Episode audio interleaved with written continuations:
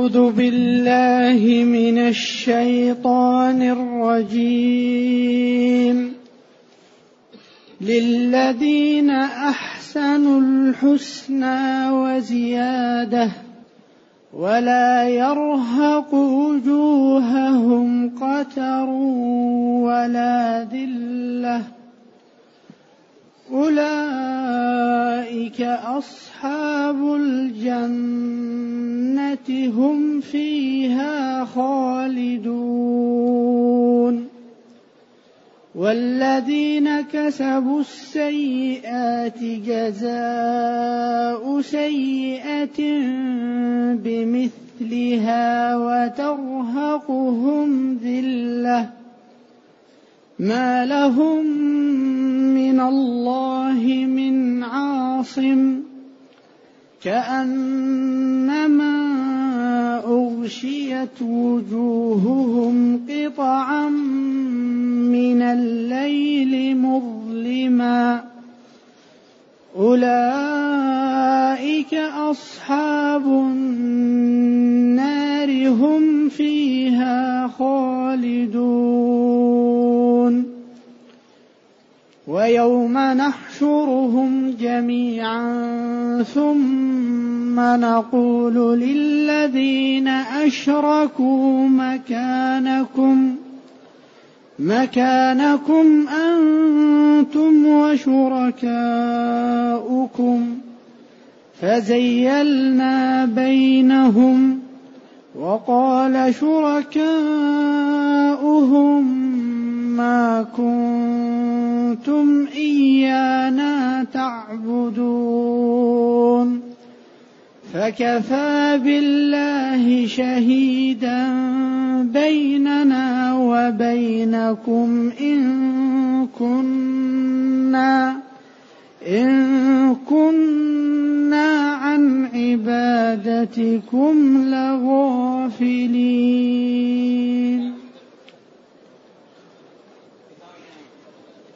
الحمد لله الذي أنزل إلينا أشمل الكتاب وأرسل إلينا أفضل الرسل وجعلنا خير أمة أخرجت للناس. فله الحمد وله الشكر على هذه النعم العظيمة والآلاء الجسيمة. والصلاة والسلام على خير خلق الله وعلى آله وأصحابه ومن اهتدى بهداه. ما بعد فإن الله تعالى يبين هنا الطائفة التي نجت وكيف نجت. فيقول والله يدعو إلى دار السلام ويهدي من يشاء إلى صراط مستقيم للذين أحسنوا الحسنى والزيادة للذين أحسنوا الحسنى هي بدل من يهدي من يشاء إلى صراط مستقيم. لأن الذين هداهم هم الذين أحسنوا الحسنى. لذلك لو تأملنا القرآن لوجدنا كل آية وراء آية أو جملة وراء جملة هي متعلقة بها. فالقرآن كله كالجملة الواحدة. إما أن تكون بدل أو ترد اعتراض أو توضح إبهام أو أو توضح إجمال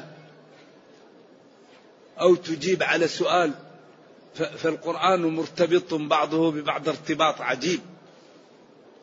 لذلك ويهدي من يشاء إلى صراط مستقيم للذين أحسنوا الحسنى. الذين يهديهم الله إلى صراط مستقيم من هم؟ الذين أحسنوا الحسنى. إذا هذه الجملة بدل مما قبلها. للذين أحسنوا الحسنى. هذا الكلام فيها غاية البلاغة والإيجاز والوضوح. وبعدين أحسنوا الحسنى. أحسنوا. قالوا لا إله إلا الله. قالوا طيبا. فعلوا الخير. بروا بوالديهم. أكرموا جيرانهم. قالوا كلاما طيبا. أحسنوا. في أقوالهم وأفعالهم. هؤلاء لهم الخصلة الحسنى. أو القضية الحسنى مؤنث أحسن. أو لهم الجنة الحسنى. لذلك قال أحسنوا لهم الحسنى.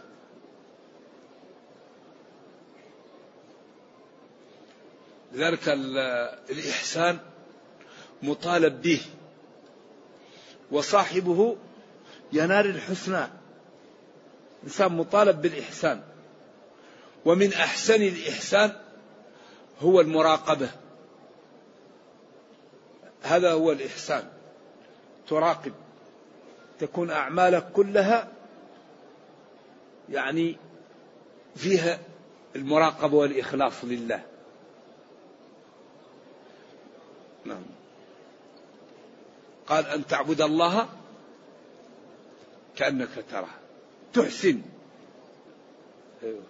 فالذي يحسن يحسن إليه للذين أحسنوا الحسنى. للذين يعني عملوا الفضائل عملوا الصالحات عملوا الخير لهم الجزاء الجميل لهم الخير. والجزاء من جنس العمل. فلذلك الحقيقة كلام في غاية الجمال والحسن والإيجاز والبلاغة أحسنوا الحسنى.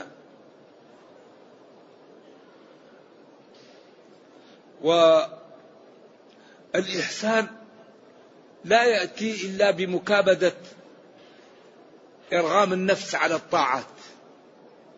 لذلك ربنا لما كانت نفوس العرب إبان نزول الإسلام متعلقة بالخمر جاء بتحريمه على طريق الإقلال والتدرج وتلك طريقة رائعة لأنه لو قال لهم في أول يوم فاجتنبوه ربما يقول لا نستطيع أو لا نفعل فيهلكوا. فجاء بالأمور عن طريق الإقلال والتدرج. فأول آية جاءت قل فيهما إثم ك... ومن ثمرات النخيل والأعناب تتخذون منه؟ سكرنش هذه إشارة في غاية الخفاء. لأنه الرزق الحسن يدل على أن السكر ما هو رزق حسن. لأنه جعلوا قسيم الرزق الحسن. هذا تنبيه خفيف. ومن ثمرات النخيل والأعناب تتخذون منه سكرا على أصح التفاسير ورزقا حسنا. إذا السكر غير رزق حسن لمقابلته الرزق الحسن. ثم قال فيهما إثم كبير ومنافع للناس وإثمهما أكبر من نفعهما. هذه أكبر شوية. بعدين قال لا تقربوا الصلاة وأنتم سكراء جملة حالية. في حال اتصافكم بالسكر اجتنبوا الصلاة. هذه أبعد شوية بعدين هنا النفوس توطأت. بعدين قال فاجتنبوه. ذلك الإنسان كما أنه يزيل الشرور من النفس عن طريق الإقلال والإبعاد يتعود على الخير بمزاولة الخير تدريجيا. أول يوم تقرأ صفحة ثاني يوم تقرأ صفحتين ثالث يوم تقرأ ثلاثة أربعة خمسة حتى تكون في اليوم تقرأ مئة صفحة. مئة صفحة كم؟ يعني خمسة أجزاء. كل يوم تقرأ مئة صفحة كل صلاة تقرأ عشرين صفحة. فتكون كل ستة أيام تحفظ آه، تمر بالقرآن. بعدين يكون الرصيد كبير. والأجر كثير وبعدين تفهم القرآن وتحفظه وتستنير. وهكذا. إنسان يغض بصر وهو لا يريد وبعدين يترك الكلام وهو لا يريد وبعدين شوية شوية يسقى القلب بالإيمان فيغض بصر ويمتلئ نشوة. لأنه امتثل قول الله تعالى قل للمؤمنين وإذا أراد أن يتكلم ورأى أن هذا الكلام لا يجوز سكت وفرح لأنه امتثل قول الله تعالى ولا يغتب بعضكم بعضا.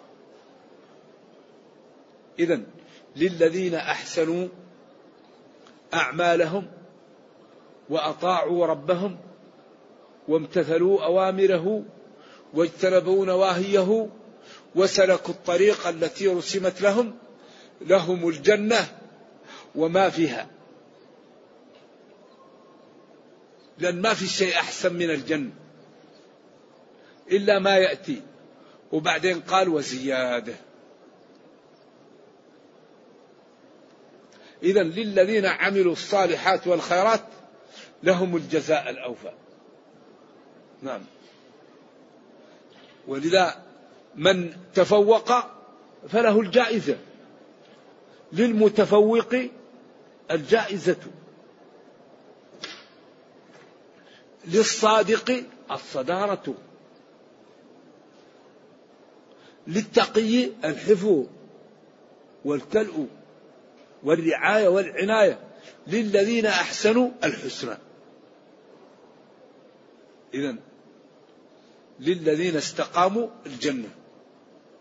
أحسنوا. فعلوا الحسن.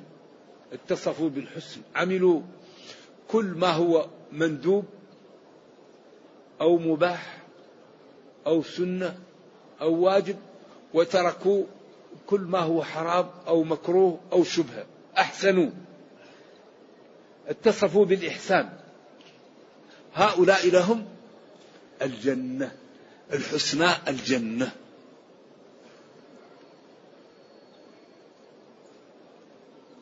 والإحسان لازم له من مكابدة. لا يمكن يأتي الإحسان بين عشية وضحاها. لابد أن يكابد حتى يكون من المحسنين. فالإحسان يحتاج إلى مراقبة ومجاهدة وتعب وعناء وبذل مال ووقت وجاه وصبر على أذية الناس وعلى الشهوة وعلى المضاضة التعب والأذية. بعدين ينال الحسنى ينال الجنة.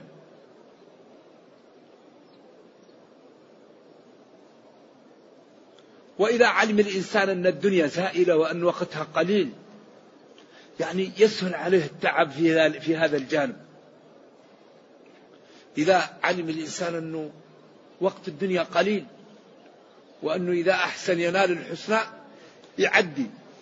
واحد أذاك جار. تقول له جزاك الله خير أنت جاري. ما زال جبريل يوصيني بالجار حتى ظننت أنه سيورثه. جارك عنده مشكلة. أنت تروح تذهب وتجلس ساعات ما نمت حتى تنهي المشكلة. سواء كان يحتاج أن أن ينوم مريض أو يحتاج أن يساعد أو جاءته مشكلة تجلس ساعات ما نمت ولا استرحت حتى إيش تخلصه. الوالدين طلبوا منك شيء ليس عندك. تذهب وتبحث حتى تأتيهم بما يريدون. إذا الإحسان في مشقة.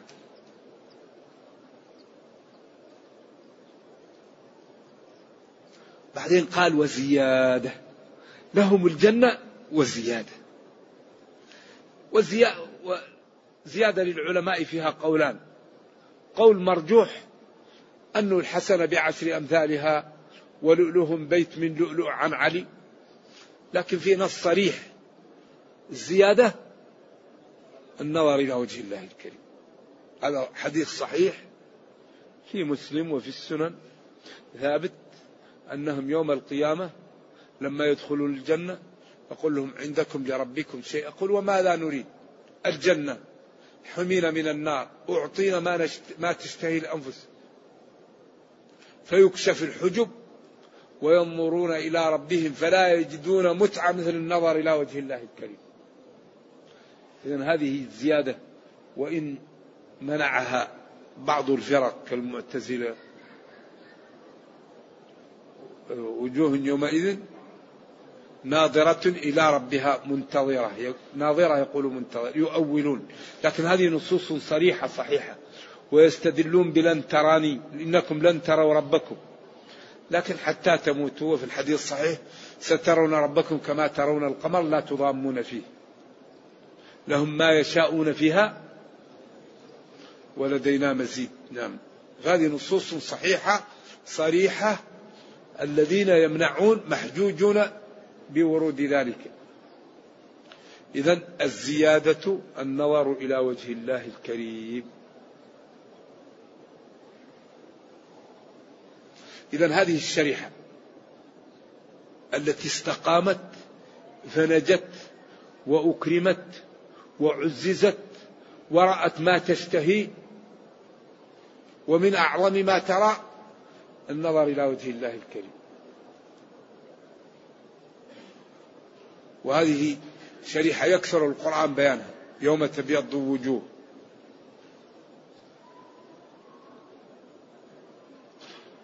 والبصير والسميع هل يستويان مثلا؟ فريق في الجنة. إذا هذا الذين أحسنوا الحسنى. ولهم النظر إلى وجه الله الكريم ولا ترهق وجوههم قتر ولا ذلة. هذا فيه إزراء بشريحة أخرى. لكن قدم هذا الكلام طمأنة لهم وإزراء وتبكيتا وعيبا للشريحة الأخرى. ترهق تعلو أو تغشو أو تغطي. الوجه هو اللوحة. الوجه لوحة. ولذلك كل أمتي معافى إلا المجاهرين. المجاهرة لا تنبغي. إذا إذا ابتليتم فاستتروا. لابد أن ندفع ضريبة الدين. إذا أراد واحد يسخر مني أني أعمل بالسنة يمنعني من الموت. الذي يريد أن يسخر مني لأني أتقي ربي قل له امنعني من الموت.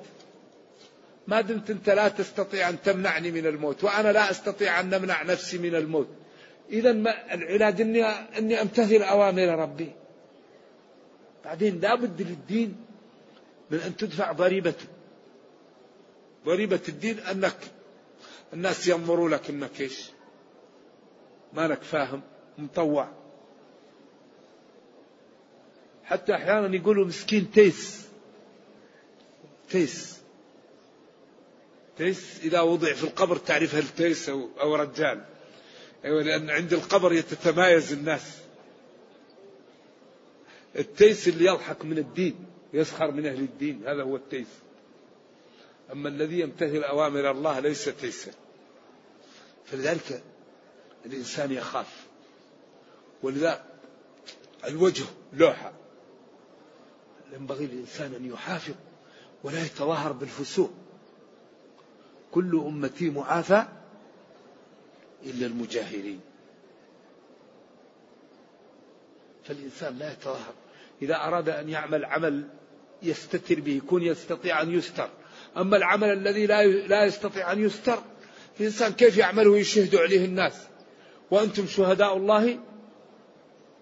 ولذلك إذا مات شخص وأثنوا عليه وجبت له الجنة.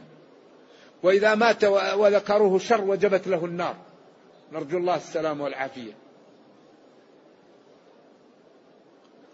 ولا يعلو وجوههم ويغشوها ذلة الذلة.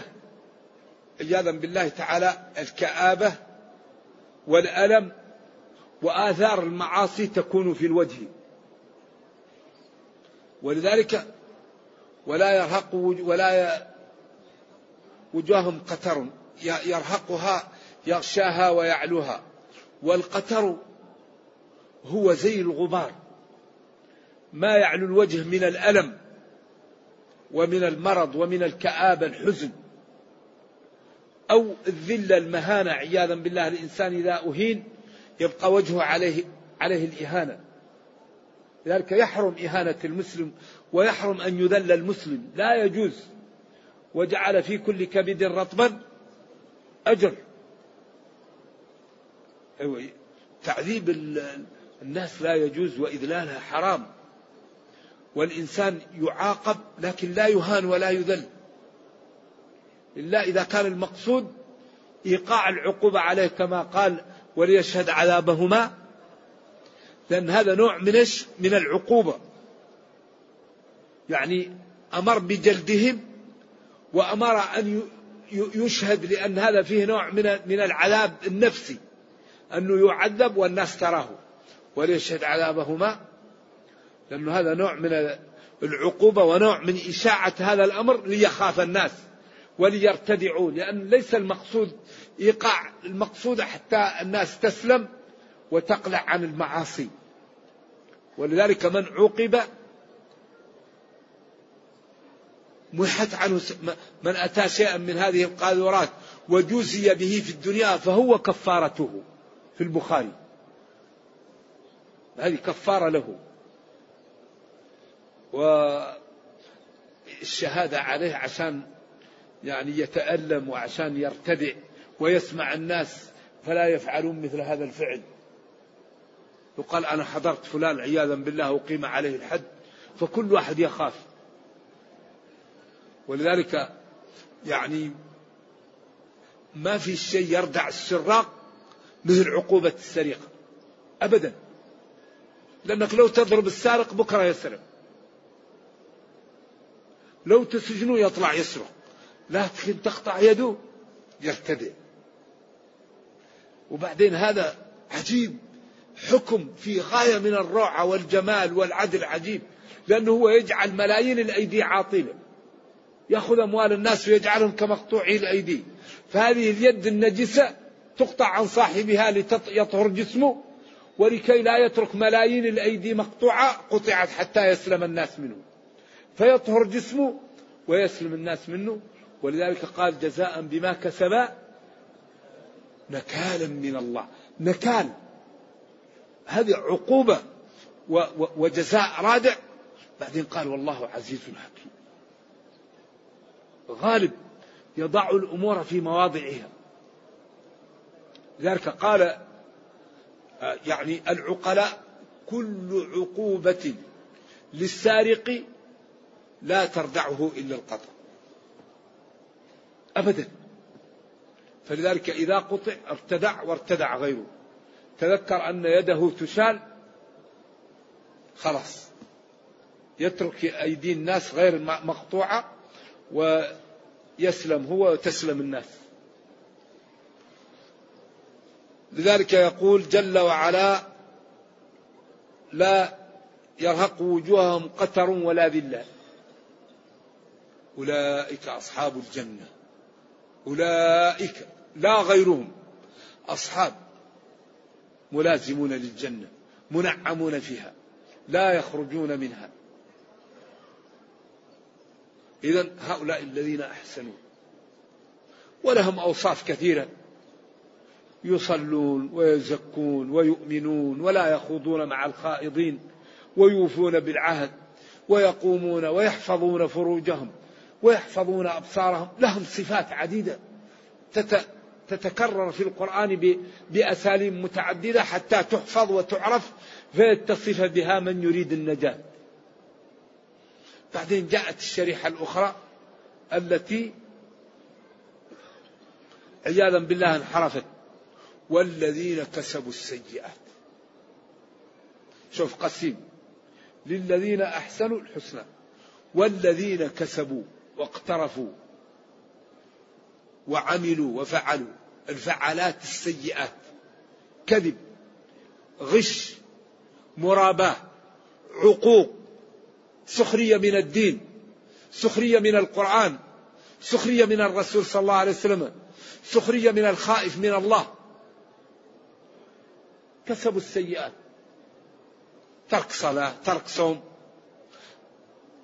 يعني دائما الذين يكسبون السيئات شغلهم الشاغل المتدينون. مطوع فعل ومطوع يوم كان ماشي حصل له كذا وبعدين دائما الذين كسبوا السيئات دائما يسخرون ممن؟ من المتقين.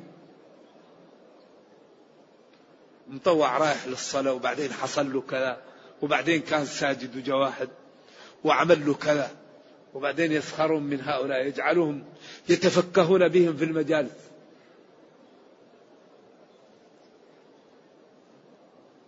ولكن إذا جاءت يوم القيامة يعرف هل الذين كسبوا السيئات مثل الذين أحسنوا. تتمايز الصفوف تماما. وتجد أن الذين كسبوا السيئات يندمون في وقت لا ينفع الندم ويتمنى الواحد أن يعود يا ليتني اتخذت مع الرسول سبيلا. يا ويلتى ليتني لم أتخذ فلانا خليلا. ويوم يعض الظالم على يديه. يندم.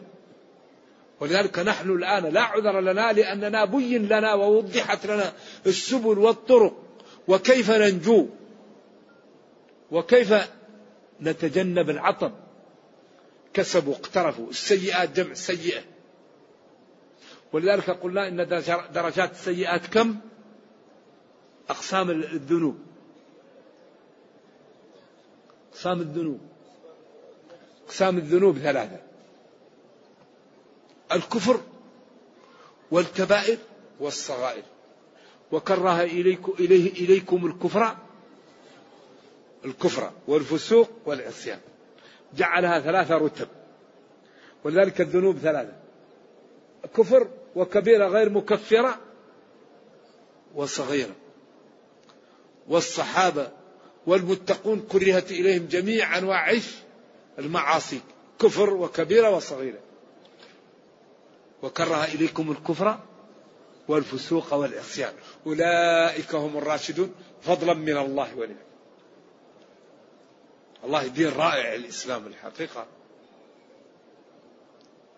لا يقاوم الإسلام إلا بماذا؟ التجهيل. مسلم يجهل الدين. ما يعرف إذا أراد ما يفهم الدين. أو مسلم يقال لا تتكلم اسكت. شدري هذا الذي يقاوم به الإسلام.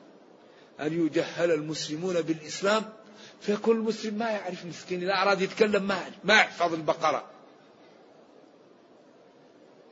والبقرة سنام الإسلام سنام القرآن البقرة. كان الرجل إذا حفظ البقرة وآل عمران جد في أعيننا أي عظمة.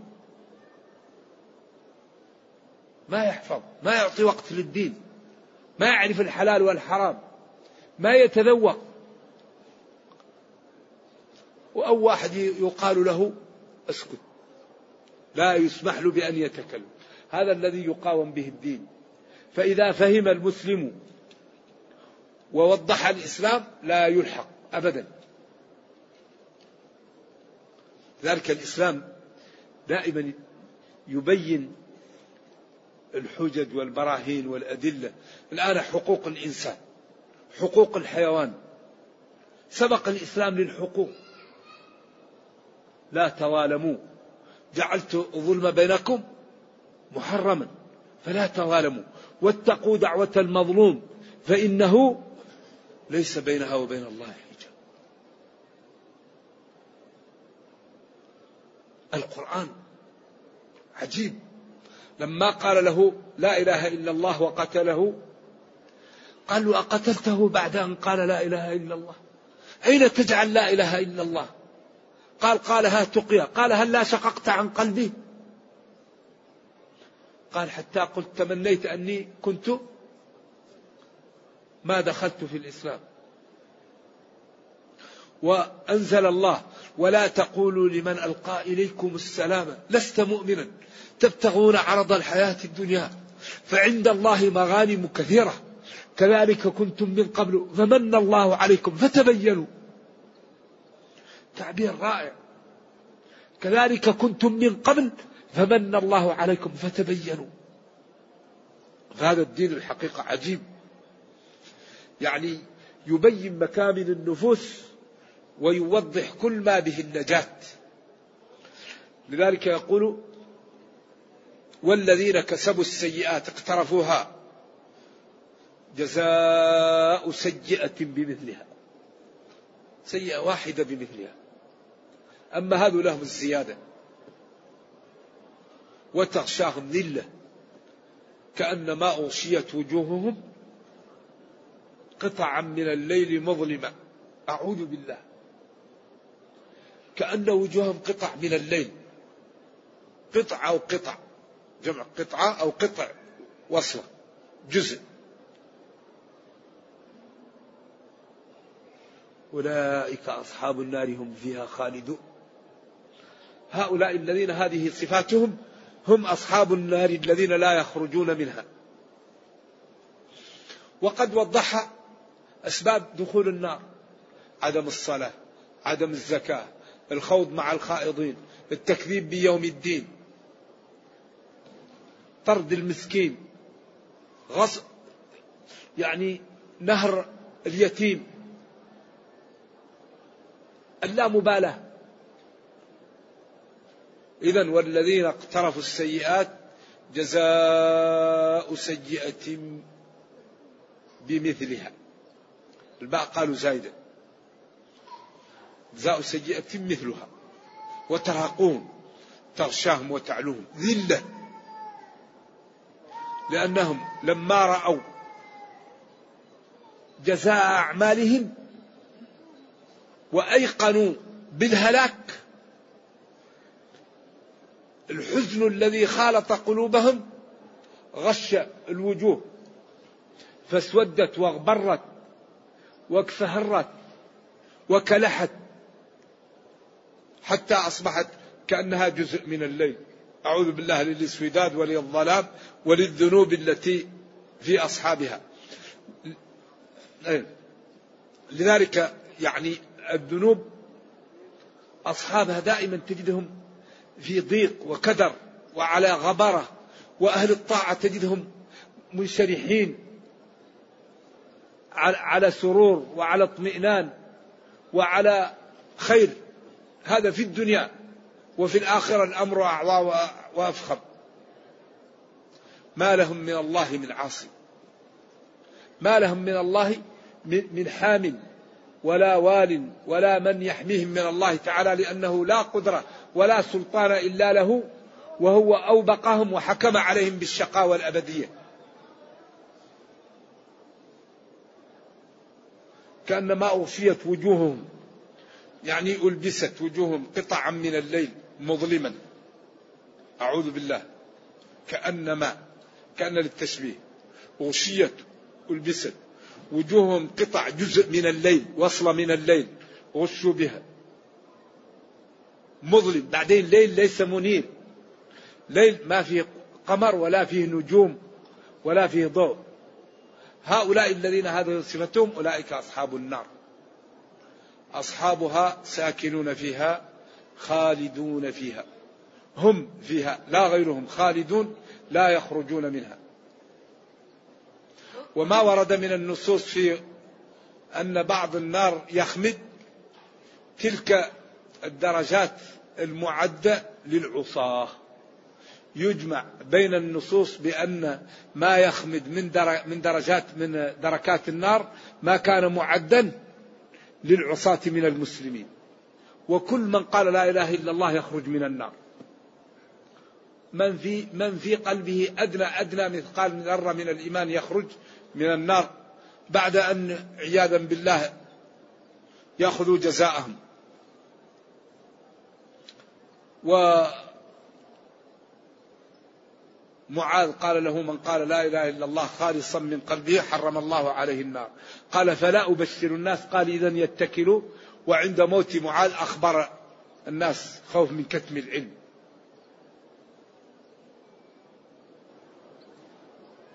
نعم.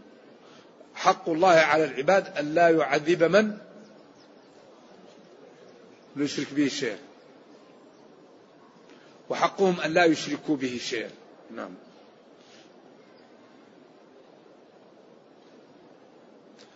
واذكر يوم نحشرهم جميعا. اذكر الوقت والمكان الذي نحشر فيه العابدين والمعبودين. ثم نقول للذين أشركوا أين شركاؤكم الذين كنتم؟ ثم نقول للذين أشركوا؟ مكانكم. ألزموا مكانكم. حتى نأتي بمن عبدتموه. وحتى نعرف لماذا أنتم وشركاؤكم. بعدين ميزنا فرقنا بينهم. وقال شركاؤهم ما كنتم إيانا تعبدون. قال شركاؤهم ما كنتم تعبدون كنتم تعبدون شهواتكم ونحن ليس لنا عقل وليس لنا علم ولا ذنب لنا. بعدين لما تخاصموا قال فكفى بالله شهيدا بيننا وبينكم. الله يحكم بيننا وبينكم إن كنا عن عبادتكم لغافلين. كنا عنها غافلين لا ندري عنها. والله يحكم بيننا وبينكم. نعرف معروف إن كنا يقول أين شو فكفى بالله. يكفي الله بيننا وبينكم في الحكم بيننا وبينكم. إن كنا عن عبادتكم لغافلين. كنا عنها غافلين. لا ندري عنها. هنالك في هذا الوقت تبلو كل نفس ما أسلفت. تجازى وتعطى كل نفس العمل الذي قدمت. هنالك يوم القيامة تبلو أو تتلو أو نبلو كل نفس ما أسلفت ما عملت وقدمت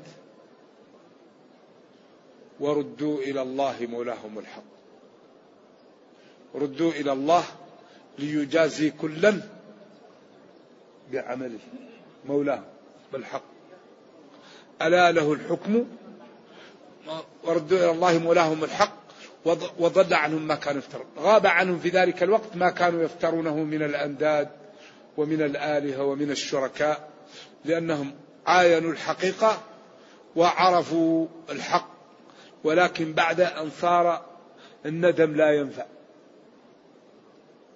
إذا الحقيقة هذا يجعل لا عذر بعد بيان أهل الجنة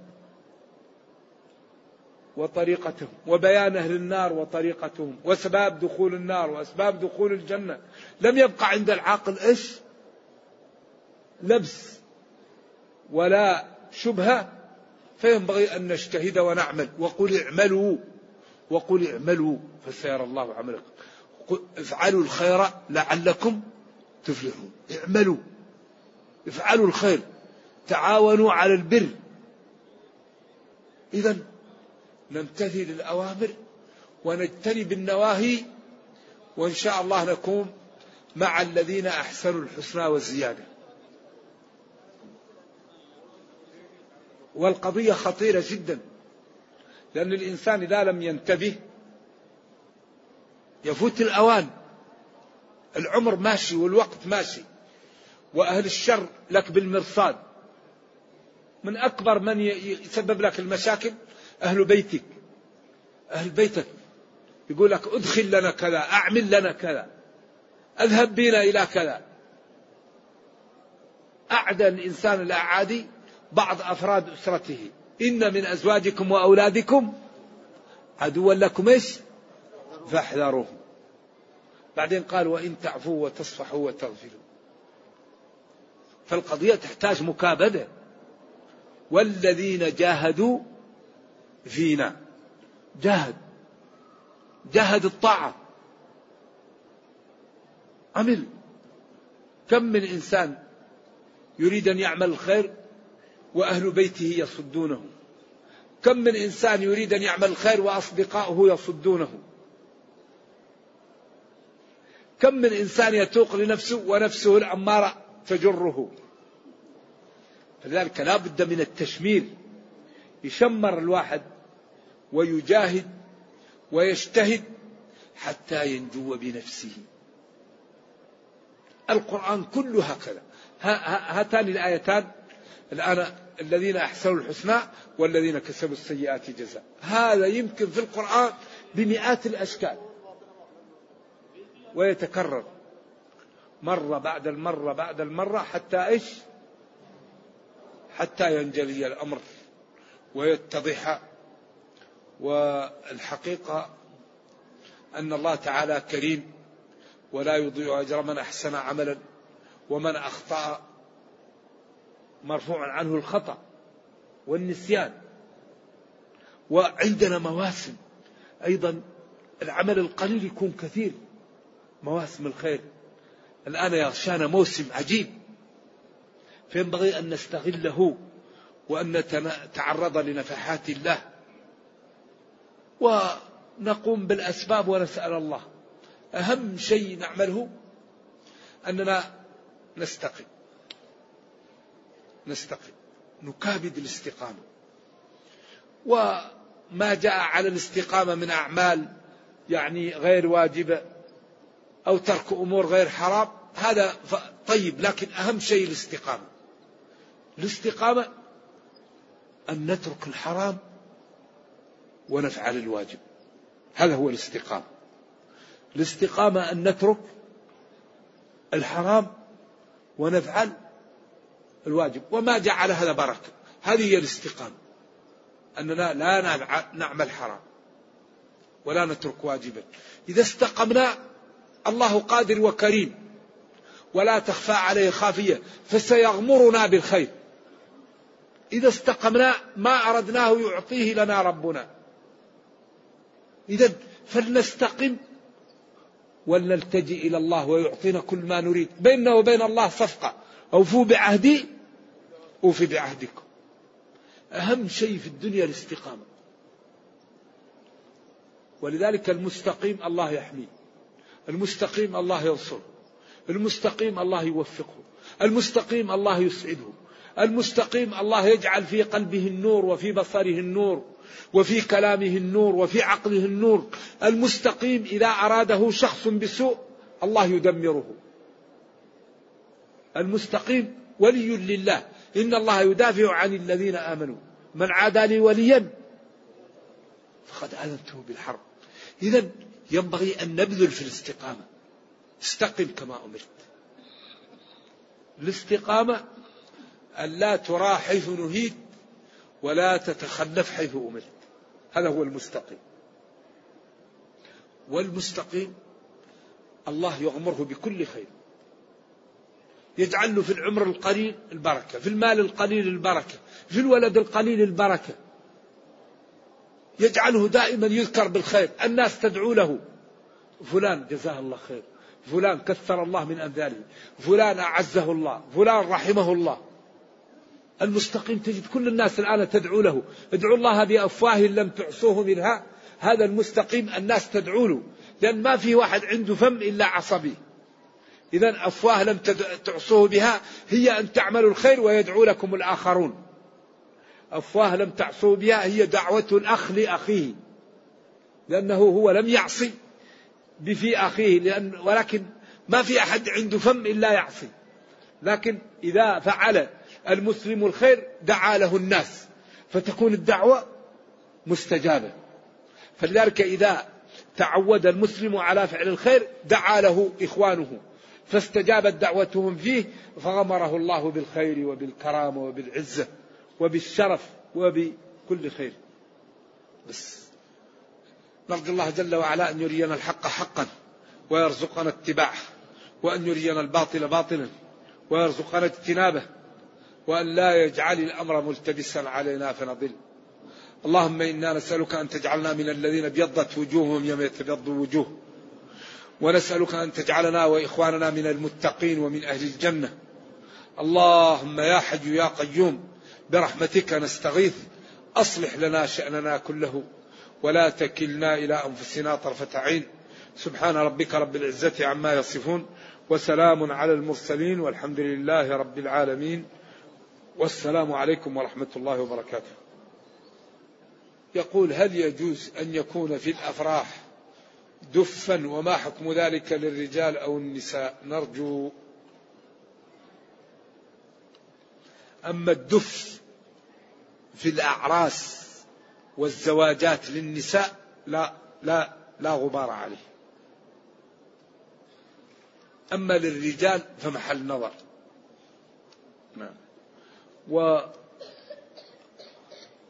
والشريعة أمرت بأن تعلن النكاح وأن يشاع حتى لا تتهم المرأة وحتى لا ينكر الزوج أن هذا ولده. فإذا شاع ذلك لا يستطيع أن ينكر ولذلك نهي عن نكاح السر. ما يجوز. لا بد أن يعلن حفاظا على الأنساب وعلى الأعراض. دين الإسلام دين رائع. فلذلك أمر بضرب الدف وبإعلانه حتى إذا قال لم أتزوج يقال له لا نحن سمعنا. أيوة يعلن محافظة على الأنساب والأعراض. هذا هو القصد. أما يكون قصد اللعب وقصد المسلم ماذا؟ فما لا بعد الحق إلا الضلال.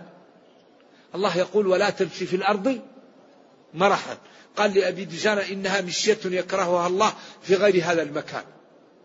لا يجوز للرجل أن يتبختر إلا بذهابه للصدقة أو ذهابه للجهاد.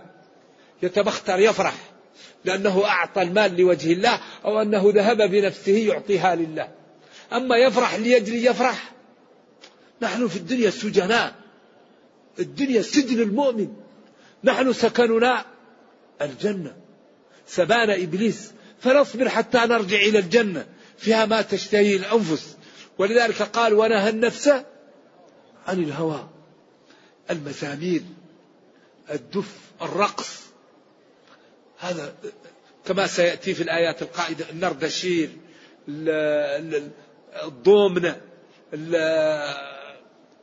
شو اسمه الثاني هذا اللي شطرنج. هذه أمور أقل ما فيها أنها لا تنبغي لأهل الفضل. يقرأ القرآن يعمل مشروع خيري يفتح مستشفى يعمل مزرعة يشغل فيها العاطلين ويأكل فيها الجوعانين.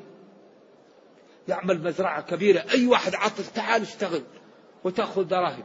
أي واحد جوعان تعال كل يا أخي. يعمل متجر. أي واحد عريان تعال خذ ثوب يا أخي. يعني يكون لنا همم. أما واحد يرقص رجل يرقص. الرجال ليس لهم الرقص. الرجال لهم العلم ومنافع للمسلمين. ولذلك عبادة الرجال منافع المسلمين رجل يتعلم. ينفق على الأيتام يصلح ذات البين. أما جالس لرجل يرقص ما لا الرجل لا يرقص. إذا هذا أقل ما يقال في خلاف الأولى إلا في إلا في الأعراس جائز. يقول أحبك الله ما الحجاب الذي فرض على المرأة؟ هل هو كشف وجهها وكفيها أو تغطيته وكفيها. هذا الخلاف من أيام الصحابة وأنت جاي. والسبب في ذلك ورود النصوص. ولا يبدين زينتهن إلا ما ظهر منها. بعض السلف قال ما ظهر منها الوجه والكفان. وبعض السلف كابن مسعود قال ما ظهر منها الملاءة فوق الثياب.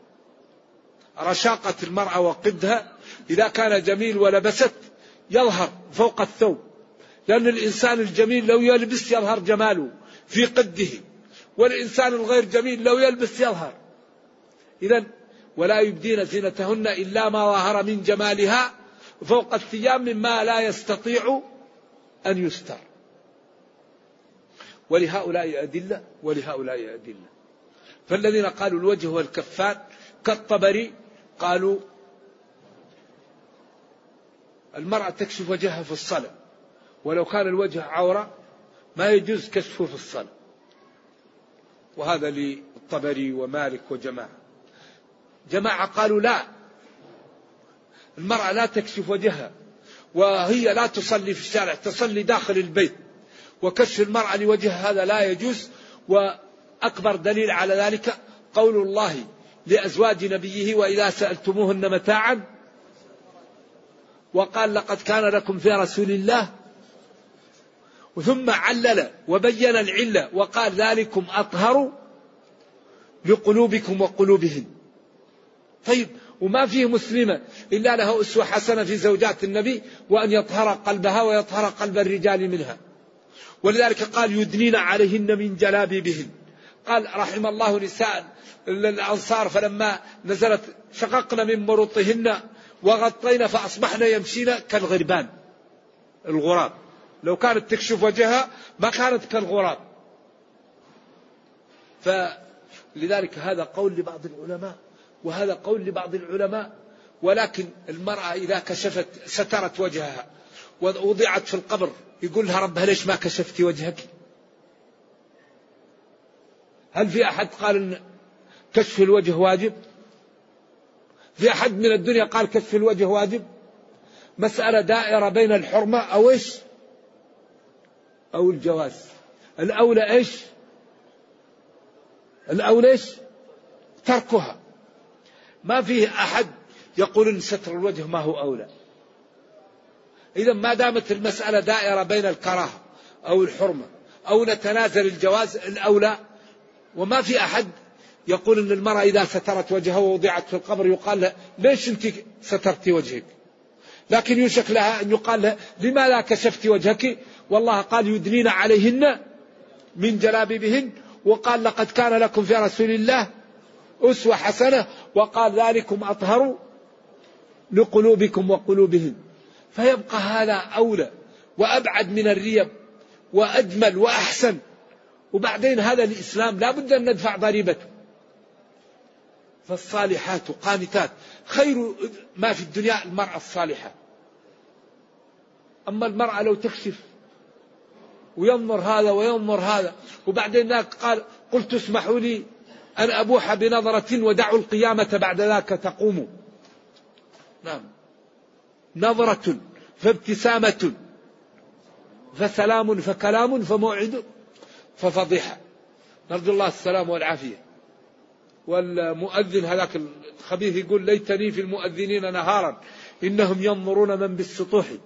فدائما النظر كل شيء من النظر. لذلك الله قال قل للمؤمنين يغضوا. غض. يغضوا من بعدين رحمة بنا قال من أبصارهم. ما قال أبصارهم حتى لا يسقط في حفرة وتضربه السيارة.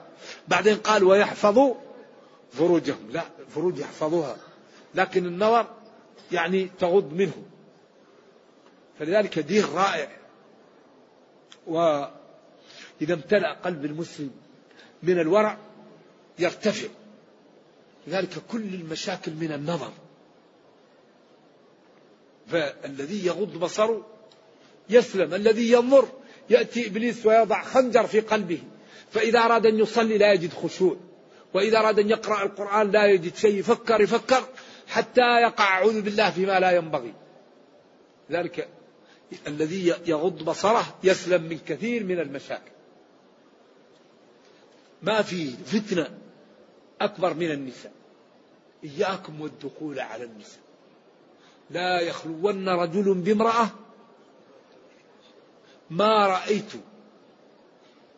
ناقصات عقل ودين أذهب بلب الرجل الحازم من إحداكن الرجل الحازم. ولذلك هذا شيء ما يمكن واحد يزيله لكن الواحد يتحصن بالزواج والابتعاد.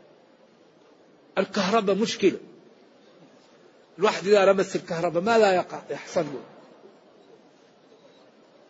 خصوصا إذا كانت الكهرباء يعني عالية على طول يموت. فالابتعاد تبتعد عن الكهرباء يا أخي.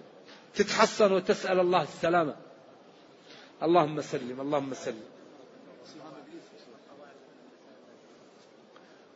نعم يقول أخونا والقواعد جمع قاعد. من النساء اللاتي لا يرجون نكاحا. يعني أصبحت لا تستهي ولا تشتهى.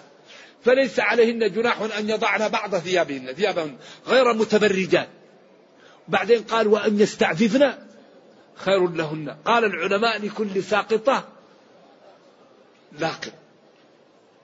وأن يستعففن خير لهن لأن هذه يمكن يجي واحد زيها وبعدين يكون له فيها. فقال وأن يستعفف ليش خير لهن. فلذلك الذي يريد قيمة هذا الدين وطهارته يذهب للغرب ويعايشه. المرأة جاركم الله عندهم لا قيمة لها. تشبع منها العيون الخائنة والأيدي الخائنة وبعدين توضع في الزبالة الفتيات ينمن في, في, في الشوارع. الجميلات الشبيبات. لأنهن لم يصن فالعيون الخائنة والأيدي الخائنة تشبع منهم ويرمون. أما المسلمة فهي جوهرة لا تسافر إلا مع ذي محرم. وفي بيت أبيها أو زوجها أو ولدها حتى توضع في القبر محفوظة. لا تسافر لحالها ولا يلمسها أحد ولا تمشي إلا مع ذي محرم. ولم تك ولم ت ولم تكلف بشيء. أبدا. نفقتها على أبيها. على زوجها على ولدها. لا تكلف بمهر ولا بنفقة ولا بكسوة ولا بسكن. هي تنفق وتكسى ويعطى لها المهر ويعطى لها الإكرام. ونبينا في حجة الوداع قال استوصوا بالنساء. نعم لا يكرمهن إلا كريم. خياركم خياركم لأهله. أما اللي يقول لك المرأة مثل الرجل كيف المرأة مثل الرجل؟ الرجل ليس له ثدي يرضع. الرجل ليس له رحم. الرجل لا يحيض. كيف؟ وليس وليس الذكر كالأنثى. وليس الذكر كالأنثى. الرجل لو يأتيه نساء أهل الدنيا يريدون حاجة منه وهو لا يريد لا, لا لم يستطعن أن ينلنها منه. أبدا.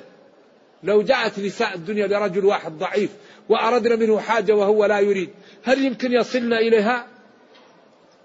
آلة لا يمكن لا لا لا تقوم لا يمكن أن يجدنها منه إذا لم يريد. والمرأة قد تحبل وهي كاره. كم من امرأة كاره؟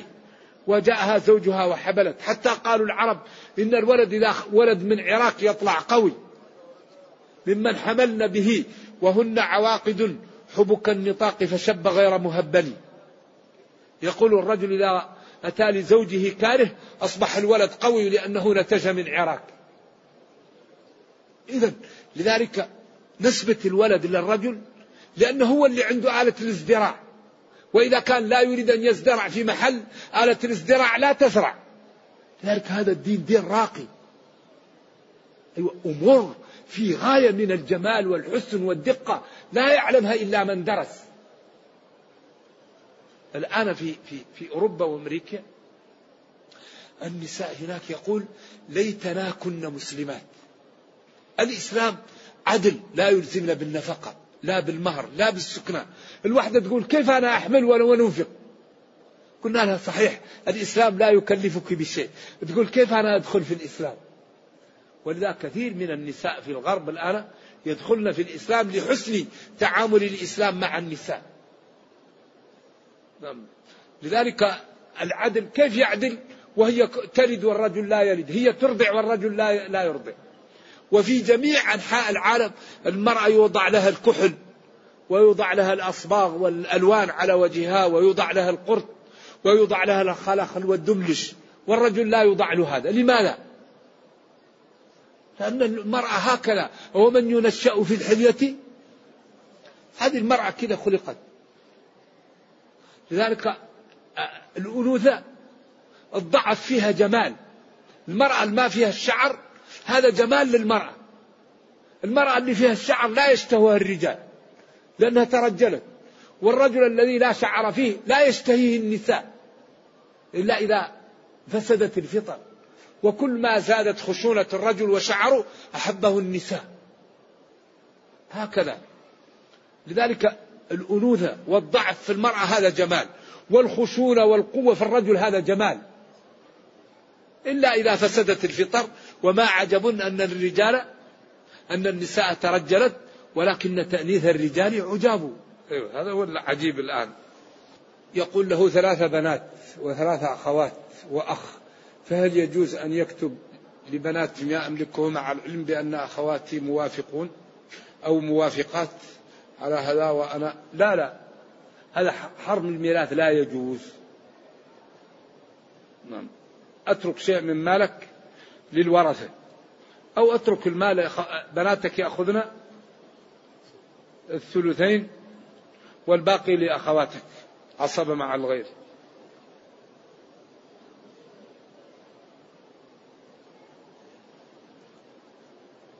يقول هل هذا حديث روحوا أنفسكم ساعة فساعة حديث هذا ولا؟ ما أعرف؟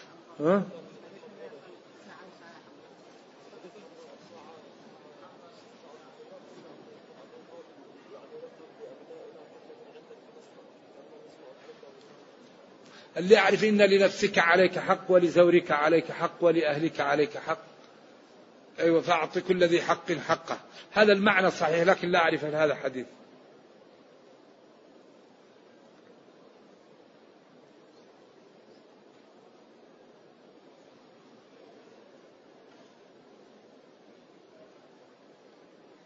يقول أفطرنا رمضان الماضي قبل يوم العيد بيوم. يقول والأمة الإسلامية كلها صائمة. السؤال فهل نقضي ذلك اليوم؟ إذا كان الشهر رؤي في البلد فليس عليكم قضاء وإن كان لم يرى فاقضوا اليوم لأن صوموا لرؤيته وأفطروا فإن غم عليكم فأكملوا العدة. صوموا لرؤيته وافطروا فإن غم عليكم فأكملوا العدة ثلاثين عدة شعبان. أقدر له قول عند الشافعية أنه إن لم يرى يؤخذ بالحساب. قدروا بالحساب. لكن هذا مرجوح لقوله فأكملوا العدة ثلاثين ويوم الشك عند بعض العلماء يجوز صومه. ولكن الصحيح أنه لا يصام من رمضان. وإنما إذا كان لك صوم تصومه ليوم الشك. إذا لم يثبت. أما تصومه احتياط لا. وبعض العلماء يجيز ذلك لكن مرجوح.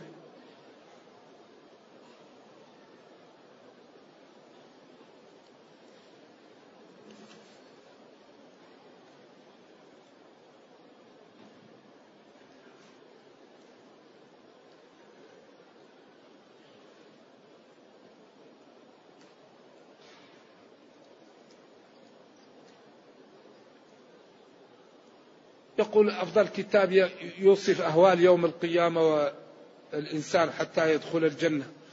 هذا في كتب في الرقائق معروفة كتاب الرقائق في صحيح البخاري وفيه عمل اليوم والليلة لابن السني والنسائي ومن أحسن الكتب رياض الصالحين للإمام النووي رحمة الله علينا وعليه فإنه ذكر فيه أشياء جيدة وأغلبه صحيح. كذلك كتاب الأربعين التي جمعها الحافظ بن رجب وكتب كثيرة في هذا الجانب. كتب الشيخ ابن القيم رحمة الله عليه.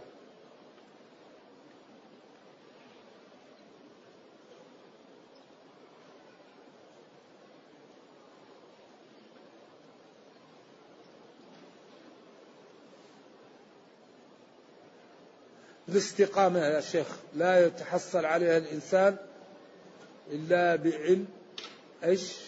بل علم والصبر. نعم. الاستقامة يعطيها الله.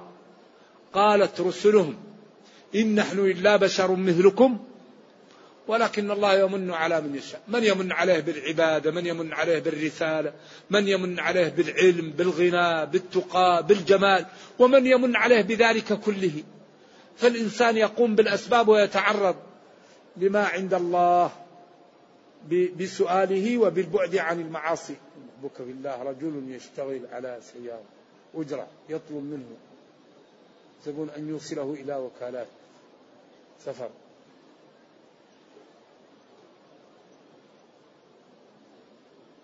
يقول رجل يشتغل على سيارة أجرة ويطلب منه السائق لا زبون أن يوصله إلى وكالة. وهذه الوكالة تعطيه فلوس. فهل هذا يتقاضاه حلال؟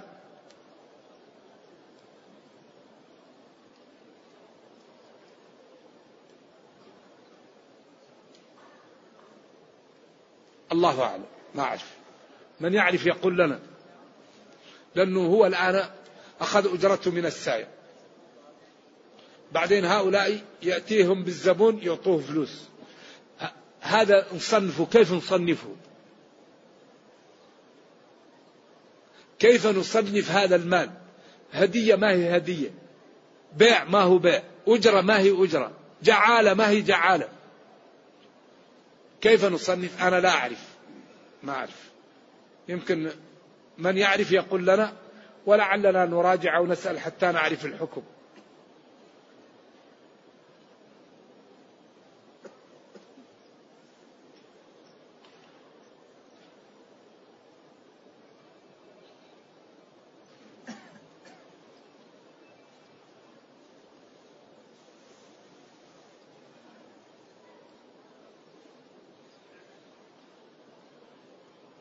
يقول من المعلوم أن التصوير حرام. والسؤال هل استعمال الهواتف المحمولة في التصوير ينطبق على ذلك؟ هذا العلماء اختلفوا. قال بعضهم هذا ليس بصورة وبعضهم قال صورة. وأنا أقول الله أعلم. ولكن الأولى الابتعاد عن الصورة إلا لحاجة. ما دام صورة ابتعد عنها يا أخي. نعم. الحلال بين وبينهما أمور. فابتعد إلا إذا كانت هناك ضرورة والضرورات تبيح المحظورات.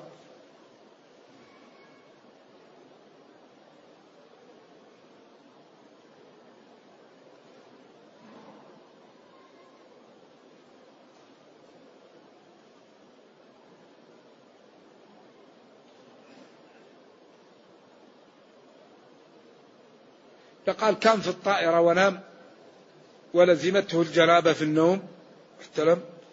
ثم يقول صليت العشاء والفجر ما حكم ذلك؟ يمكن تدخل في حمام الطائرة وتغتسل. إذا كنت لم تغتسل تيمم فإذا لم تتيمم ولم تغتسل إذا نزلت تغتسل وصلي الفروض التي فاتتك. نعم.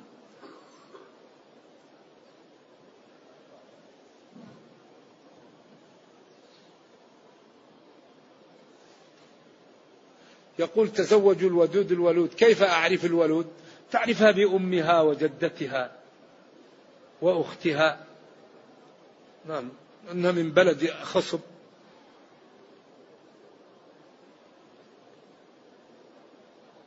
هل تبنى المساجد بأموال غير مزكاة؟ وإذا بنيت هل يجوز؟ لا تنبغي أن تبنى المساجد إلا بمال حلال.